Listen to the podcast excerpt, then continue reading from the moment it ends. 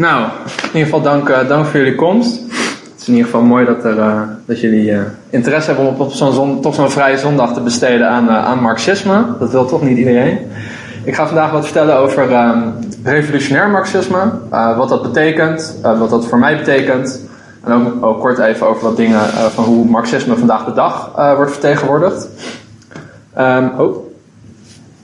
Um, nou, voordat ik dat ga doen, ga ik ook even kort wel vertellen van wie ben ik, wat is een beetje mijn politieke achtergrond, uh, waar kom ik ideologisch vandaan en politiek vandaan. Um, dan ga ik het hebben over een beetje de introductie tot hoe marxisme, of tussen aanhalingstekens marxisme, eigenlijk vandaag de dag vooral wordt uh, vertegenwoordigd. Uh, ja, als mensen op straat of in de politiek aan marxisme denken, waar komen ze dan vaak bij uit? Dan ga ik uh, het hebben over de visie op marxisme die eigenlijk dominant is uh, in heel veel van Rood, een communistisch platform. Dat zijn twee organisaties waar ik uh, lid van ben. Dan geef ik een korte introductie tot uh, de marxistische analyse van de maatschappij en, en hoe die analyse zich ook vertaalt in bepaalde politieke uitgangspunten of politieke pijlers. Um, en mijn doel met deze presentatie is eigenlijk om jullie een beetje aan het denken te zetten over wat marxisme is. En um, nou, ik noem daar de juiste politieke uitgangspunten, maar lees daar maar in um, ja, überhaupt Marxisten in, in de algemene zin. Gewoon een beetje aan het denken zetten over, over politiek. Dan heb ik ook nog um, wat verder leesmateriaal aan het einde. Oké, um, nou waar gaat deze sessie niet over? het gaat niet op een, over een definitief antwoord uh, op wat Marxisme is. Dus ik kom hier niet om de waarheid te vertellen, om uit te leggen hoe het allemaal zit. Je mag er, uh, wees er vooral uh, heel erg kritisch op. En ik heb zelf ook de waarheid niet in pacht. Ik denk zelf juist dat Marxisme een, altijd in ontwikkeling is. Het is in een zekere zin een wetenschap. Dat klinkt altijd heel erg dogmatisch, maar dat betekent voor mij juist dat het altijd ter discussie moet kunnen staan en altijd, uh, dat er altijd ruimte moet zijn voor kritiek. Dus er zijn geen dogma's. Um, en uh, ik uh, kom hier ook niet om echt een definitieve introductie tot het marxisme te geven. Er zijn heel veel onderwerpen die wel met het marxisme te maken gaan hebben en die misschien niet voorkomen in deze presentatie. Maar ik probeer wel nou, in ieder geval een begin te geven. Nou, wie ben ik? Ik ben um, Thijs Hardam. Um, ik studeer uh, geschiedenis en sociologie. Uh, ik ben voorzitter van Socialisten 010. Um, en ik was eerder voorzitter van de SP Rotterdam. En ik ben momenteel lid van Van Rood uh, en ook van Communistische Platform. Dat is een beetje mijn politieke achtergrond.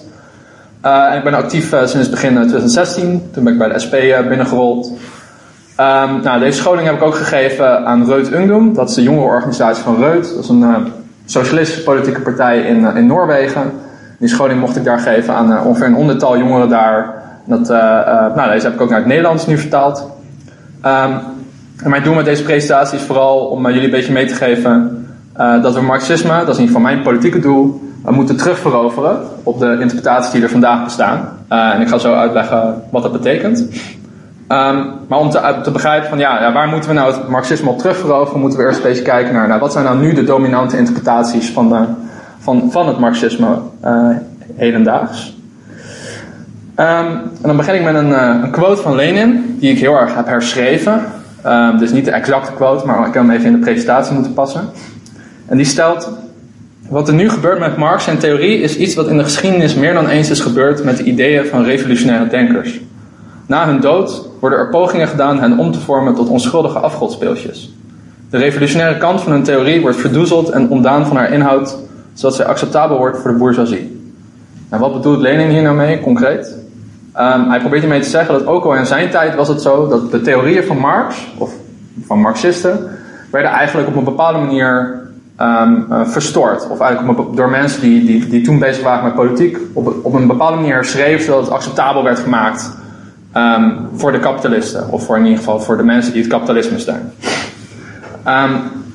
en dan, uh, nou, een goed voorbeeld hiervan is misschien wel uh, uh, Che Guevara. Um, nou, die is uh, tot heel erg veel verschillende manieren verwerkt. Die staat overal op t-shirts. Nou, in dit geval staat hij op een, een ijsje, een Magnum ijsje. en het is eigenlijk een voorbeeld van hoe iemand met hele grote revolutionaire ideeën, met serieuze ideeën, die ook heel lang eigenlijk een gevaar is geweest voor de kapitalisten, eigenlijk door het systeem tot een, eigenlijk tot een product wordt gemaakt. Um, nou, en dan had ik het net over, als we het hebben over marxisme vandaag de dag, uh, over het terugveroveren van marxisme, van wat is dan dat hedendaagse uh, dominante marxisme? En daar kan ik dan drie, uh, drie vormen van noemen die hedendaags dominant zijn als we aan marxisme denken. En het eerste voorbeeld is eigenlijk een beetje de liberale interpretatie van Marx. Dat heb je misschien wel vaak gehoord. Um, liberaal definieer ik hierin individu als individuen en of instituties die het kapitalisme steunen. Deze interpretatie van Marx, die zegt eigenlijk een beetje van, hè, Marx was iemand met interessante maatschappijkritiek, maar hij heeft wel wat interessante ideeën. Maar al die ideeën, op echt praktische politieke conclusies over dat er een revolutie noodzakelijk is, een ander systeem, die schuiven ze een beetje aan de kant. Die proberen ze naar de achtergrond te verschuiven. Um, en Marx wordt zo een beetje tot een soort utopist gemaakt. Dus iemand met hele mooie en interessante ideeën, uh, maar de politieke conclusies, uh, daar moeten we vooral van wegblijven. Uh, en een voorbeeld daarvan is bijvoorbeeld dit artikel van The Economist. Dat is een heel rechts-liberaal nieuwsblad. En die roept dan wel op van ja, heersers der wereld, jullie moeten Karl Marx gaan lezen. Um, met het idee van ja, hij heeft allemaal wel interessante bijdrages gemaakt. Maar in dat artikel zelf laten ze natuurlijk weg de gevaarlijke ideeën die echt daadwerkelijk gevaarlijk voor het kapitalisme zijn. Dus die liberale interpretatie van Marx, dat is een van die die vandaag de dag dominant is.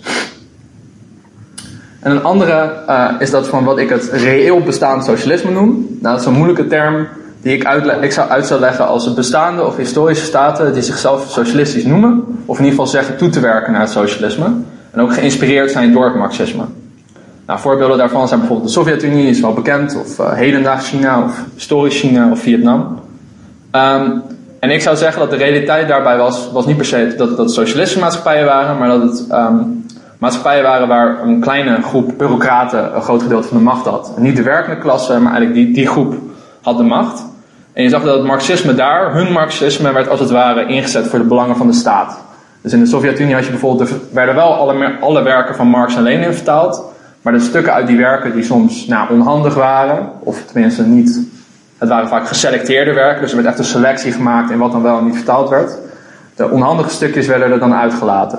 Ook deze vorm van marxisme die is vandaag de dag best wel dominant. Heel veel mensen die als ze marxisme denken, komen ze gelijk hierbij uit. Uh, maar dat is ook eentje um, waar ik uh, wat tegenover wil zetten. Uh, en voordat we daar naartoe gaan, heb ik nog een, nou, nog een ander voorbeeld van hoe reëel bestaand socialisme ook marxisme kan vertalen. dat is een plaatje van de Chinese Communistische Partij, de hedendaagse Chinese Communistische Partij. En, en, voor hun is marxisme, is, dit, is dit onderdeel van hun marxisme. Zij nemen dit ook serieus. Dus zij zeggen hier dan in het plaatje, follow our party, start your business. En voor hun is dat helemaal niet tegenstrijdig met het marxisme. Dus hun interpretatie die loopt hiermee in lijn. Um, en tot slot hebben we ook bestaand links. Dus in Nederland heb je het dan over de SP, Socialistische Partij, um, en wat klein linkse groepjes. Dus denk dan aan de Internationale Socialisten of de NCPN, um, misschien Revolutie, kleinere groepjes. Um, en als je kijkt naar hoe parlementair links marxisme gebruikt, dan zie je vaak dat ze dat gebruiken om iets, daar, hebben ze het soms wel over, daar flirten ze soms wel mee met het idee van, nou, Marx was ook wel een interessante denker. Een beetje hetzelfde zoals de liberalen dat doen. Maar in de praktijk, die politieke conclusies, die laten ze helemaal achterwege. En bij de SP zie je, dat, zie je daar een goed, is een goed voorbeeld ervan dat ze, dat ze t-shirts drukken met Marx erop. Maar tegelijkertijd ook een groot gedeelte van de marxistische flank van de partij uh, vrij letterlijk hebben gerooieerd.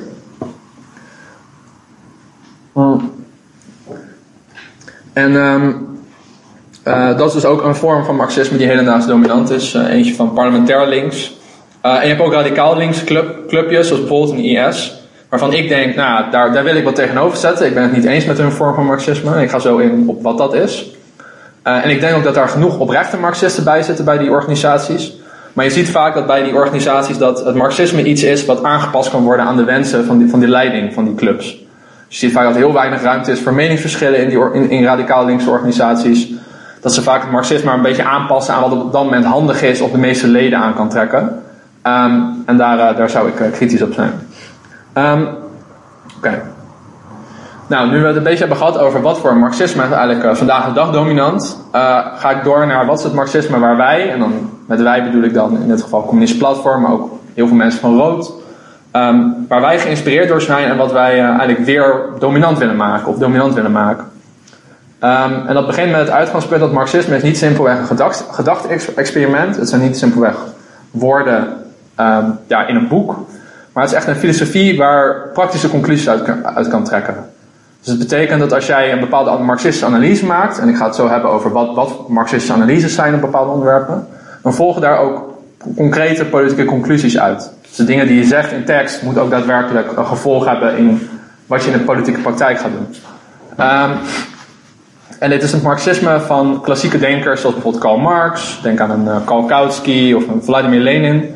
Ehm, maar ik hou ook uh, inspiratie uit moderne bijdragen. Mike McNair is een naam die misschien bij jullie eens een keer is tegengekomen. En John Smith is een denker uh, over hedendaagse imperialisme. Um, en daarbij doe ik, of doen wij ook denk ik de aanname dat marxisme iets is wat universeel is. En daarmee probeer ik te zeggen dat marxisme kan door iedereen um, het is niet, het is niet, Marxisme is niet iets puur voor westerse witte mannen. Het is iets wat eigenlijk door elke groep in de wereld, elke onderdrukte groep, opgepakt kan worden en gebruikt kan worden voor een eigen emancipatie. Uh, want hedendaags is er nog wel eens kritiek op het Marxisme van ja, dat is eigenlijk alleen maar iets voor het Westen, of het is eigenlijk alleen maar iets voor een clubje intellectuelen. Daar hebben normale mensen helemaal niets aan. Um, maar een voorbeeld dat ik zou gebruiken om dat te weerleggen is van de, de Sarakat Islam. Uh, dat was uh, voor lange tijd uh, een, van de alle, een van de grootste communistische partijen ter wereld. voor de Tweede Wereldoorlog was um, een islamitische organisatie die fuseerde met de Communistische Partij van Indonesië. Hier zie je een, nou, een mooie foto van toen die fusie plaatsvond. Um, en ik denk dat dat een mooi voorbeeld is van hoe een, nou, toch een onderdrukt volk in Indonesië in een koloniale context Um, tegelijkertijd nou, niet westers is, maar ook enorm geïnspireerd kan zijn door, uh, door het marxisme. Dus die twee dingen hoeven elkaar helemaal niet uh, te bijten. Even kijken. Oh. En dan nu, om te beginnen met een beetje de introductie tot het marxisme. De marxistische analyse. Wat is nou de marxistische analyse van de maatschappij? Um, en voordat we gaan kijken naar nou, wat voor politieke uitgangspunten komen nou voort uit het marxisme, moeten we kijken naar hoe kijkt het marxisme naar de maatschappij. Ik heb een aantal onderwerpen die daar um, over gaan, of in ieder geval waar ik op in zou gaan. dat is uh, hoe kijkt het marxisme naar maatschappijverandering, naar kapitalisme, naar klasse, naar de staat, naar globalisering en tot slot naar inkapseling in het systeem. En dat laatste klinkt nog heel vaag, maar daar ga ik uh, het kort ook even over hebben. Zal ik zo ook nader toelichten. Um, dan, uh, om te beginnen, maatschappijverandering. Uh, hoe, hoe, zien Marxisten maatschappijverandering voor zich en de maatschappij als geheel? En voor Marxisten is het uitgangspunt dat de omstandigheden en structuren waarin wij ons bevinden bepalen eigenlijk ons denken en doen. Dus de omstandigheden maken de mens. Dat is een van de belangrijkste uitgangspunten van Marxisme. Um, en daaruit volgt dat eigenlijk de onderdrukkende structuren waar we tegen strijden, dat die, moeten, die, die, die ontstaan niet door een bepaalde denkwijze, door, doordat mensen alleen maar kapitalistisch denken. Maar dat zijn echt bestaande structuren. Die bestaan ook daadwerkelijk in het echt.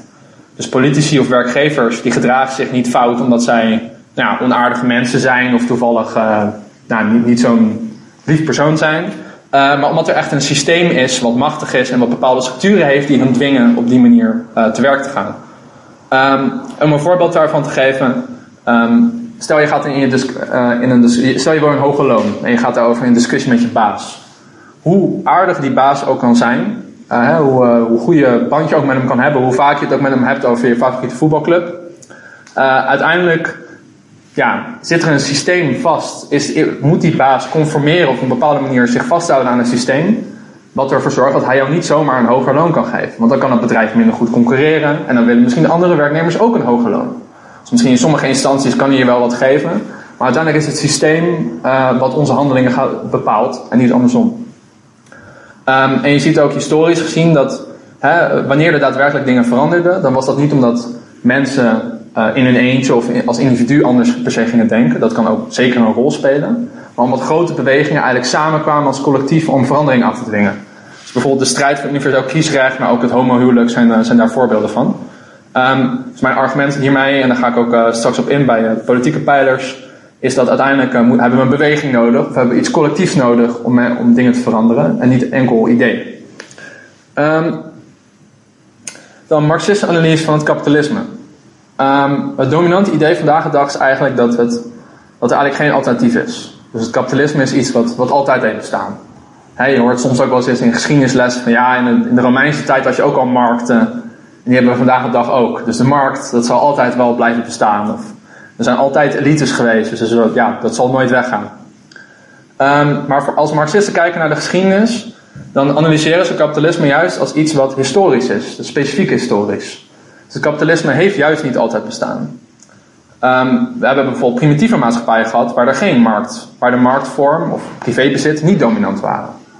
Ehm, we hebben slavernijmaatschappijen gehad. Die niet, nou, er waren geen fijne maatschappijen, maar het waren in ieder geval geen kapitalistische maatschappijen. En wat je, kan, ja, wat je ook kan zeggen van de Sovjet-Unie, er waren geen, het werkte niet zoals via een marktlogica. Er was een andere logica die dominant was.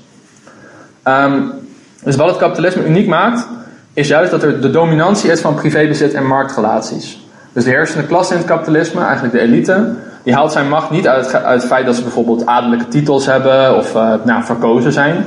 Maar die halen ze uit het feit dat ze uh, heel veel geld en kapitaal hebben. Um, en juist die dominantie van, markt, van de markt zorgt ervoor dat je een maatschappij krijgt waarin winst leidend is. Dat is structureel.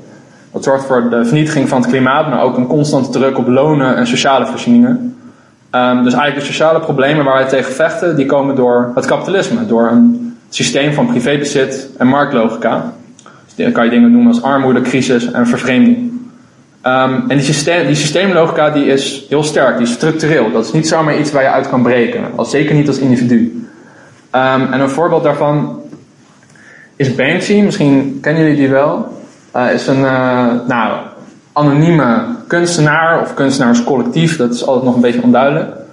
Um, en als soort van protest tegen commercialisering, tegen winst, tegen de commerciële logica, heeft hij eens een keer een uh, schilderij gemaakt van een kind met een ballon. Um, en die liet hij dan op een veiling uh, veilen of verkopen. En tijdens die veiling um, werd het, was het dan automatisch in gang gezet, werd dat uh, schilderij eigenlijk door de, door de shredder gehaald. Dus het werd kapot gemaakt. Het idee was dat op deze manier dat het eigenlijk ultiem protest was tegen de commercie, tegen de commerciële logica. Um, maar het resultaat was dat, dat de, de resten van dat schilderij en de schilderij zelf werd juist nog meer waard. Het werd juist commercieel nog meer aantrekkelijker en er kwam juist nog meer aandacht voor. Ik denk dat dit een goed voorbeeld is van hoe individueel protest tegen het systeem, of eigenlijk zelfs iets wat ten doel heeft om het systeem te ondermijnen of op een bepaalde manier tegen te strijden, kan alsnog door het systeem ingekapseld worden. Dus het kapitalisme heeft een, logica die zo sterk is, daar kan je als individu niet zomaar uit losbreken. Daar heb je meer voor nodig. Um, dan uh, klasse.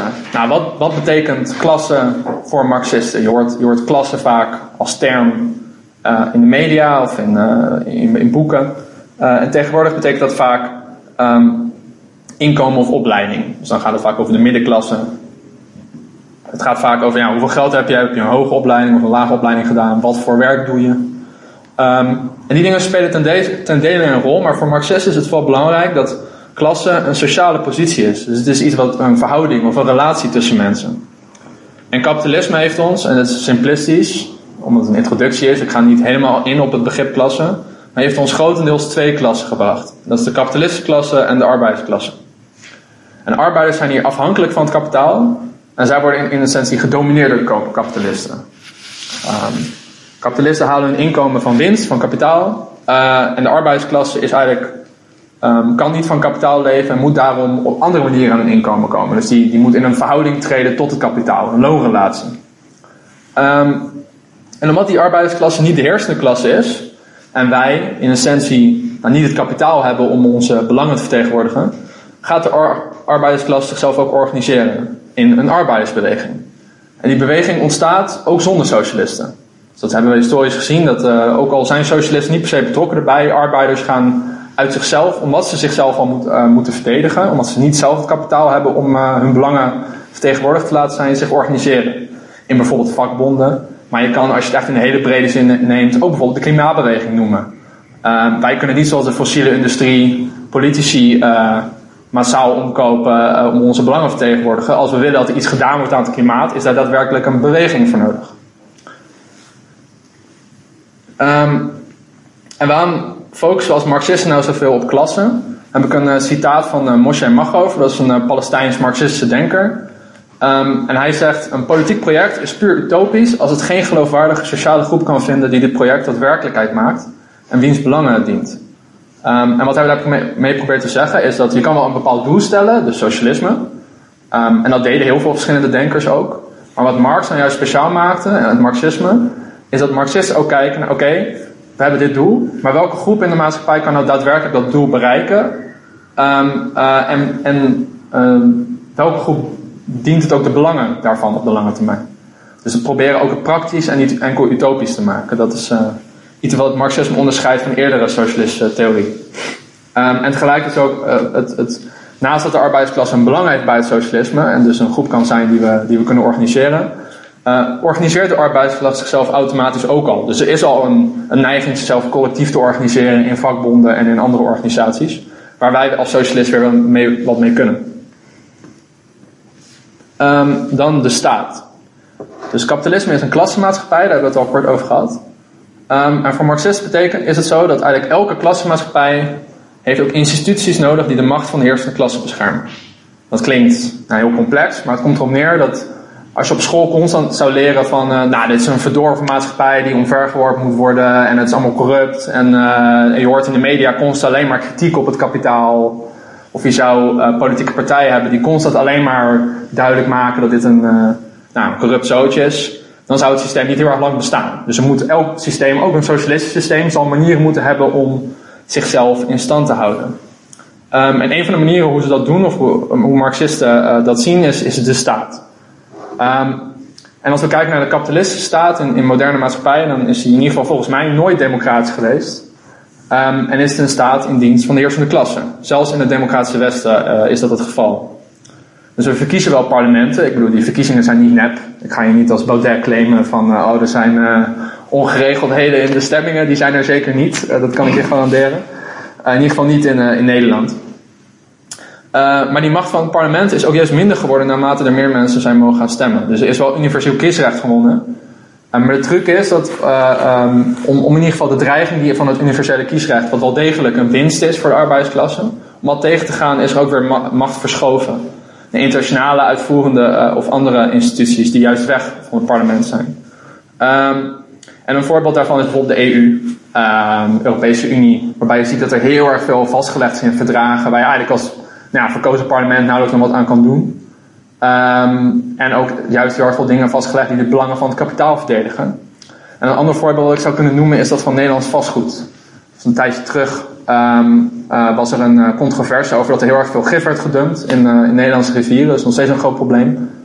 Um, en toen nou, werd er door de overheid, ook lokale overheden, werd er druk gezet op vastgoedbedrijven. Nou, misschien moeten we dat gaan reguleren, misschien moeten we daar wat aan gaan doen. En die vastgoedbedrijven zeiden vervolgens, als jullie dat, die stuurden vervolgens een brief naar in ieder geval een groot gedeelte provincies waar het dan een probleem was.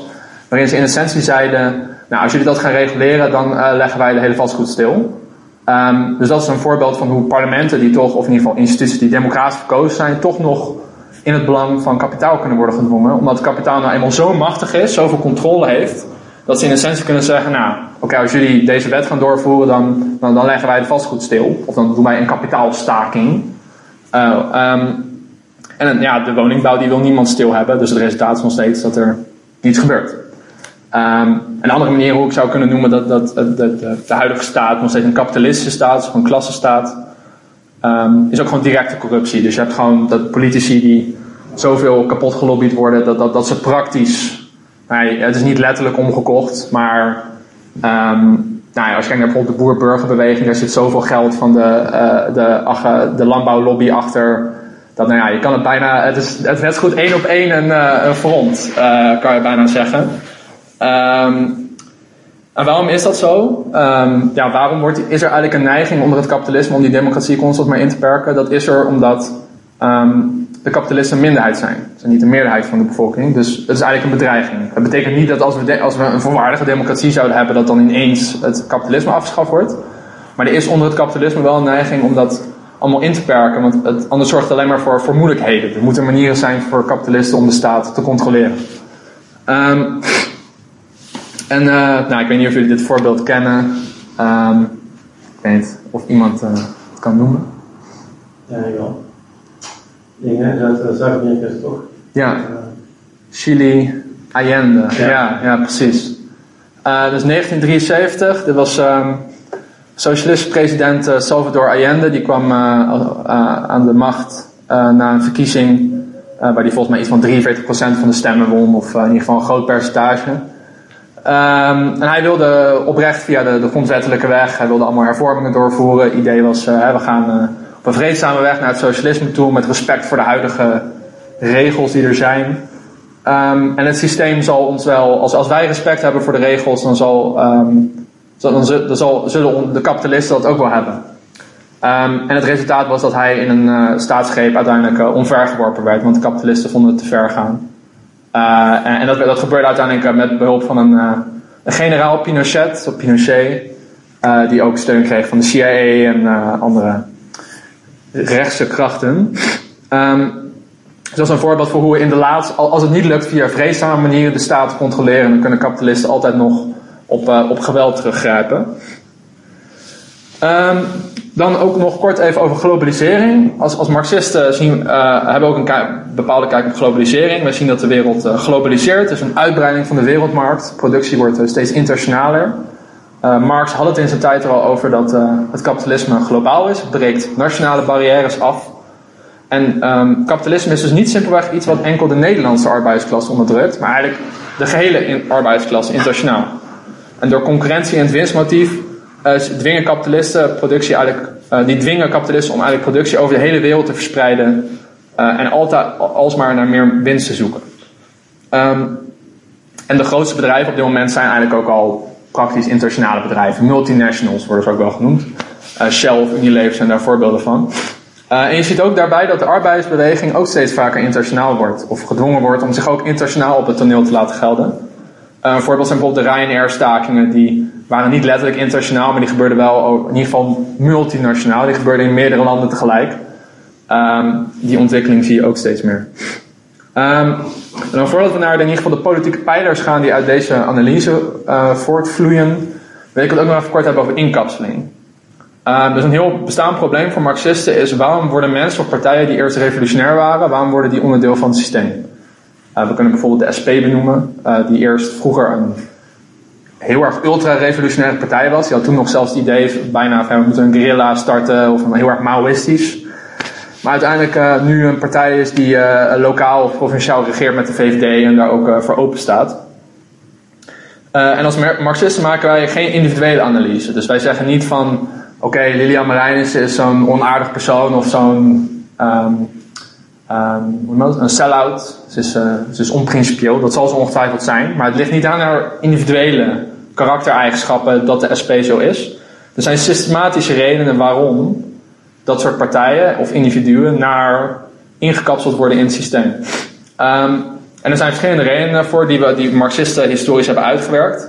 Uh, in de eerste plaats komt het omdat uh, het kapitalistische ideeën nou eenmaal heel erg dominant zijn. Zo dominant in de media, in het onderwijs, eigenlijk overal zijn ideeën zoals de markt. Ja, dat is nou eenmaal hoe het werkt. Of dat, hoe het huidige systeem in elkaar zit, dat is hoe het hoort. Dat, die zijn zo dominant dat ze ook mensen beïnvloeden in bestaande partijen. En als je daar niet zelf onderwijs of zelf dingen tegenover zet, dan blijft dat, gaat dat ook jouw eigen organisatie domineren. Um, Politieke partijen en organisaties worden ook financieel afhankelijk gemaakt van de overheid via subsidies. Je ziet vaak dat heel veel, ook zelfs protestorganisaties als de Milieudefensie, vaak een budget nu nog voor 90% gewoon van de overheid halen. Dus op een bepaalde manier ondergeschikt worden gemaakt aan de staat. Um, en partijen ontwikkelen ook partijbureaucratieën. Dus eigenlijk een groep mensen in de partij die los komt te staan van de leden en die een belang, belang heeft in onderhandelen met de overheid, onderhandelen met kapitalisten en andere groepen. Uh, en tot slot zie je ook dat veel revolutionaire partijen worden gepusht, of in ieder geval constant gedwongen om verantwoordelijkheid te nemen. Jullie moeten nou eenmaal verantwoordelijkheid nemen, want anders stel je jezelf politiek buitenspel. Het is eigenlijk een beetje gegaslight om in coalitieregeringen te gaan uh, met vaak kapitalistische partijen, waardoor ze verantwoordelijkheid moeten delen voor kapitalistisch beleid. En ook steeds meer die ideeën over gaan nemen uh, en vaak ook uit elkaar vallen. Um, of gedwongen worden hun ideeën te matigen. Oké. Dus dan hebben we nu gekeken naar de marxistische analyse. Maar zoals ik al zei, het, marxisme is iets wat. Het zijn niet enkel papier, het is niet enkel papier, het zijn niet enkel woorden. Als je een analyse maakt, moeten daar ook bepaalde politieke pijlers uit voortvloeien. Um, dus we moeten echt daadwerkelijk dingen veranderen. En vanuit onze analyse kunnen we denk ik bepaalde politieke pijlers afleiden. Um, en deze hangen allemaal samen met het marxisme en de marxistische analyse. En delen van deze, ja, die kan je ook onderschrijven zonder een marxist te zijn, maar ik denk dat die wel heel erg sterk met elkaar uh, samenhangen. Of eigenlijk, nou je kan voor mij geen Marxist zijn zonder in ieder geval een aantal van deze te onderschrijven. Um, en dat zijn, uh, om, ik ga het even langslopen zo, maar dat zijn het anticapitalisme, de, de noodzaak voor een revolutie politieke onafhankelijkheid, het, het, opbouwen, het noodzaak voor het opbouwen van eigen alternatieve instituties, radicale democratie en internationalisme. Um, nou, de eerste pijler, anticapitalisme. Dus we hebben het gehad over kapitalisme is een systeem. Het is een systematische logica. Um, dus de problemen waar we tegen strijden, um, dingen als de constante druk op belonen, de, de, vernietiging van het klimaat, die komen voort uit winstmotief en concurrentie. Die kan je niet zomaar wegreguleren. En zeker niet als individu wat tegen doen. Dus voor ons als Marxist is herverdeling van de welvaart is natuurlijk belangrijk, maar dat is niet genoeg. Dus wij zouden moeten strijden voor een, een maatschappij waarin die marktverhoudingen, die, die logica, die systeemlogica verandert, in een andere logica. Uh, en voor mij persoonlijk is dat een, een planeconomie, dat kan je ja, een democratische economie noemen of, of, ook anders noemen. Uh, en bedrijven zouden daarbij publiek bezit worden en gepland worden op een democratische wijze, waarbij niet het winstmotief centraal staat of concurrerende uh, private belangen, maar het, het collectieve belang. Um, en eh, als je een arbeidersstaat zou stichten, zou je ook beginnen met het onteigenen van die grote bedrijven en naar het, uh, het werken naar het uitfaseren van die marktrelaties. Om te voorkomen dat het systeem zich weer uh, terugkeert. Dus dat is een belangrijke pijler, denk ik, van het, van het marxisme. nou, een voorbeeld van hoe Rood dat bijvoorbeeld in een programma verwoordt. Dit gaat al misschien wat verder ook naar de, naar de communistische, naar de eindfase. Zij noemen dat ons doel is een maatschappij waarin iedereen bijdraagt naar hun mogelijkheden en krijgt naar hun behoeften waar de economie wordt ingericht op een transparante en democratische manier zonder geld of privé-eigendom. Waar werk geen noodzakelijkheid is om te overleven, maar een behoefte van ieder mens. En waar de staat is afgestorven. Kortom, een maatschappij waar mensen vrij van onderdrukking kan ontwikkelen. Dan heb ik ook nog een citaat uit het CP-programma, Communist Platformprogramma. Uh, productie vindt plaats op een geplande basis met inspraak van alle betrokkenen met als doel de behoeften van de maatschappij.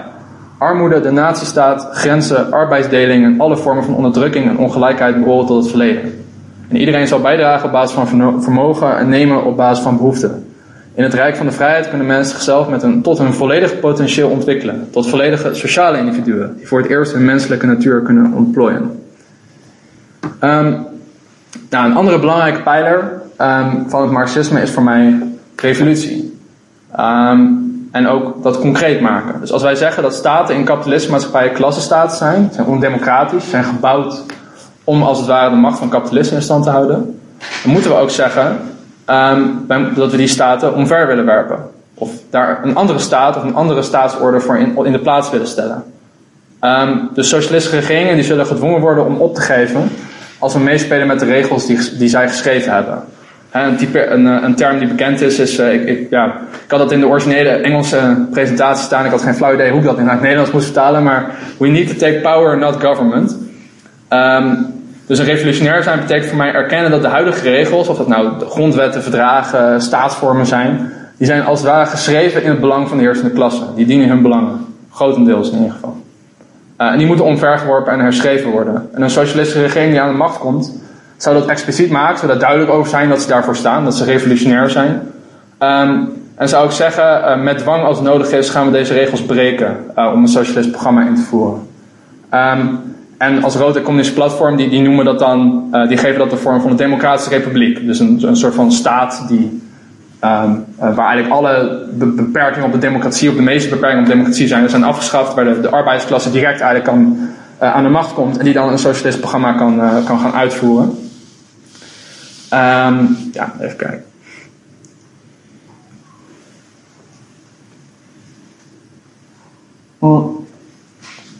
In het roodprogramma is dat als, als volgt geformuleerd. Daar moeten we de steun vragen van een meerderheid van de bevolking om zo de kapitalistische staat omver te werpen en de democratische republiek te stichten onder leiding van de arbeidersklasse. Deze machtsovername waarin de werkende klasse de instituties van het huidige systeem overneemt, afbreekt en vervangt, is de revolutie waar wij voor strijden. Um, roodprogramma is een aanrader om te lezen. Is heel kort. Het is denk ik um, drie A4'tjes of zo, twee A4'tjes. Dat op de website. Um, nou, als we het hebben over omverwerping van systemen en een nieuw systeem bouwen, is ook van belang, belangrijke pijler, politieke onafhankelijkheid. Als wij een ander, andere staat, een andere, ander economisch systeem willen, moeten wij fundamenteel tegenover dat systeem kunnen staan. Dus onafhankelijk kunnen zijn. en dat houdt voor mij een aantal dingen in.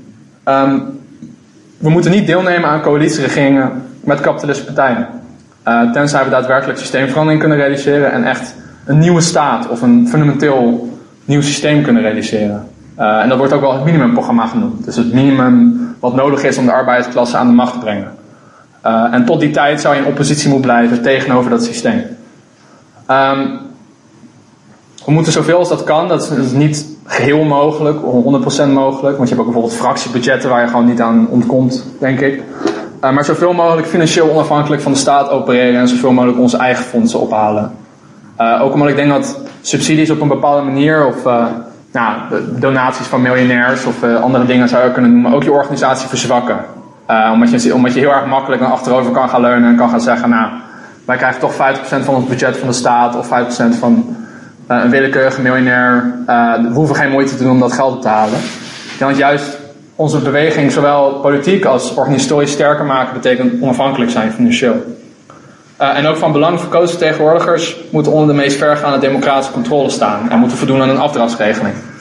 Wat mij betreft, afdragsregeling van de SP ja, is een van de dingen waarvan ik zou zeggen, daar was ik niet bijzonder kritisch op. Buiten dat het soms in sommige gevallen ja, met toeslagen een moeilijke situatie in de hand werkt, denk ik dat is juist belangrijk. Controle op vertegenwoordigers. Voorkomen dat ze ingekapseld raken. Dat is, dat is van belang.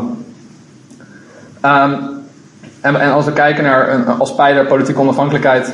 Natuurlijk samenwerken met andere partijen en groepen is prima. Maar nooit onze eigen uitgangspunten en programma's censureren. Uh, om, of verschillen uit de weg gaan.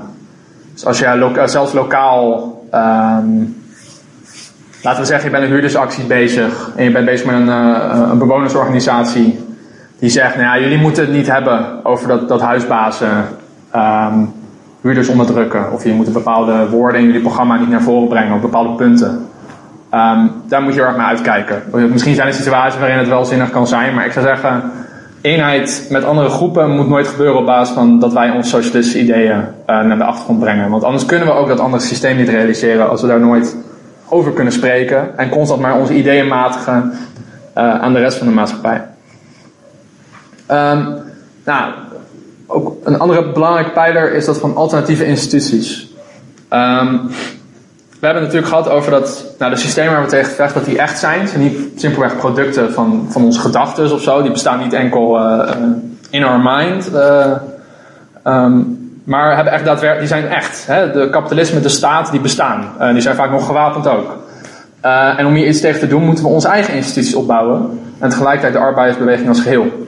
Dus een belangrijke pijler daarin is eh, dat een, een, een, arbeiderspartij moet als het ware een staat binnen een staat worden. Dat wordt ook al een partijbeweging genoemd.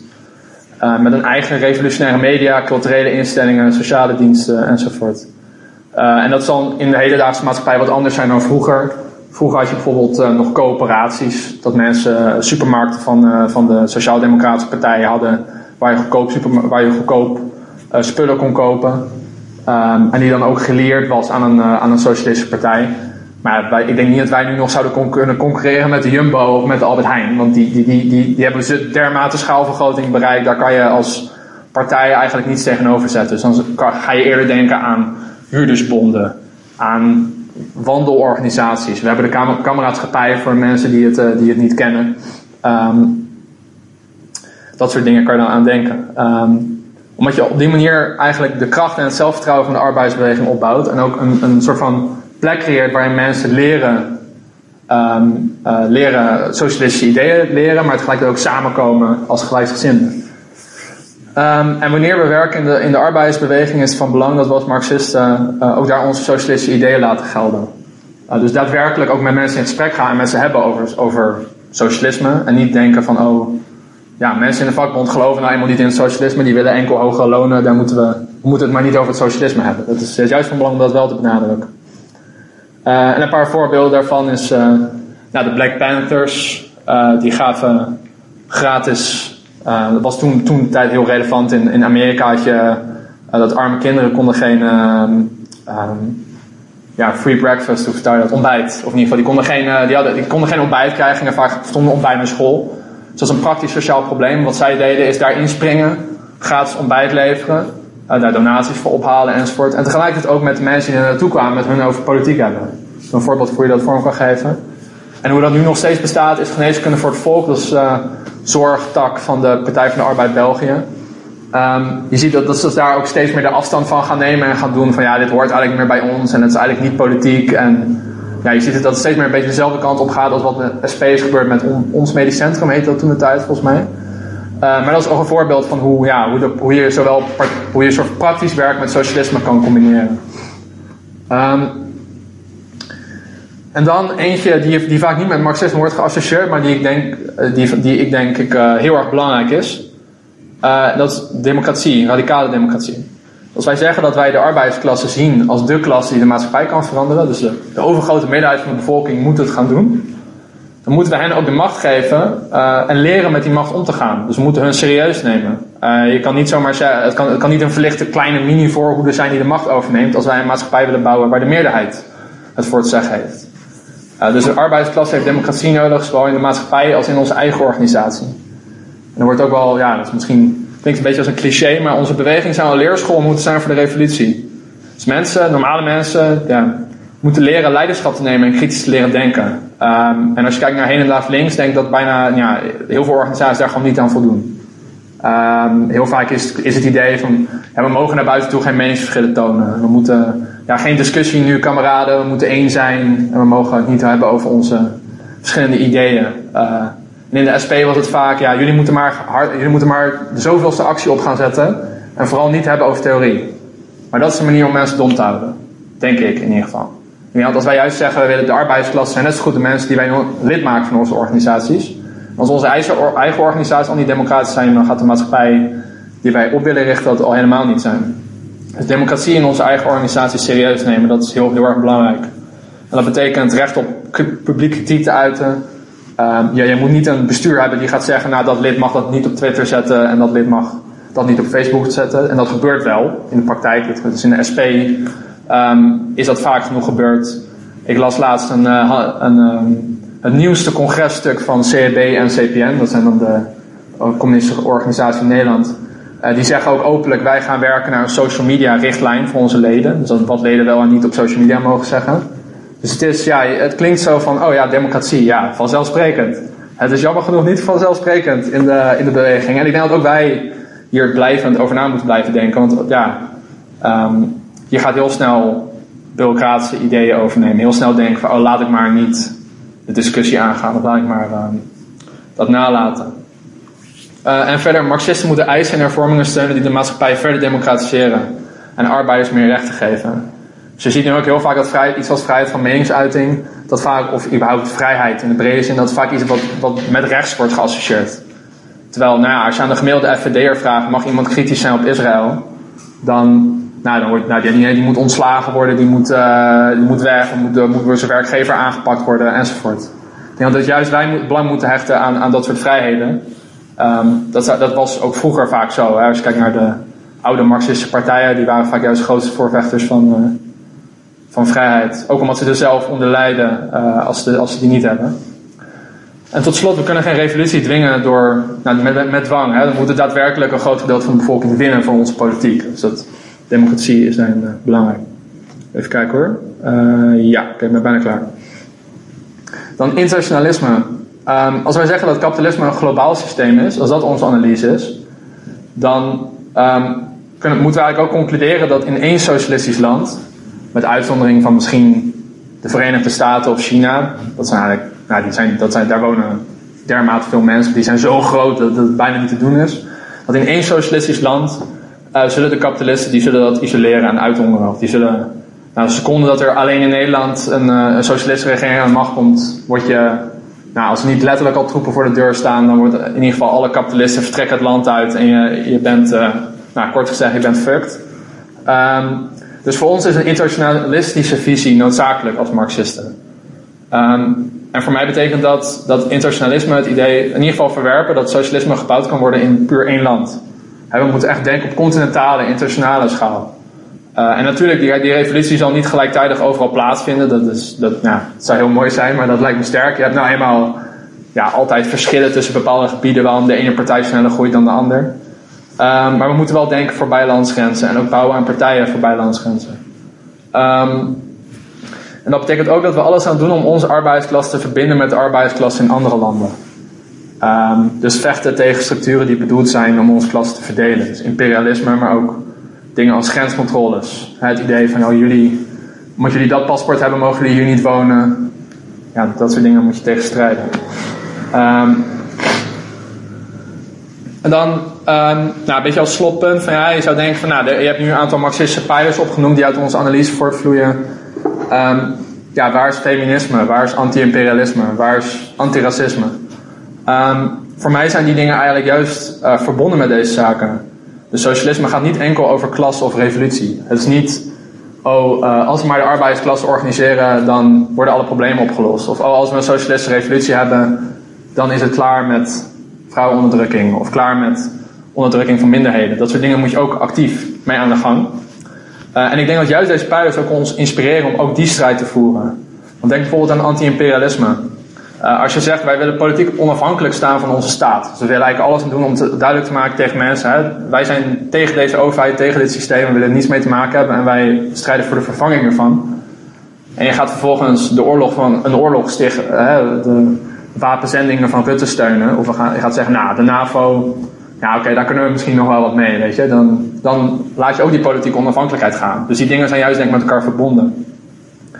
En zaken als racisme of seksisme of hè, het, uh, uh, de afwezigheid van bepaalde rechten, die, die zorgen ook voor verdelen van de klassen. Dus juist, je, je kan juist alleen maar vrouwen met mannen en, en, en verschillende etnische groepen met elkaar verbinden.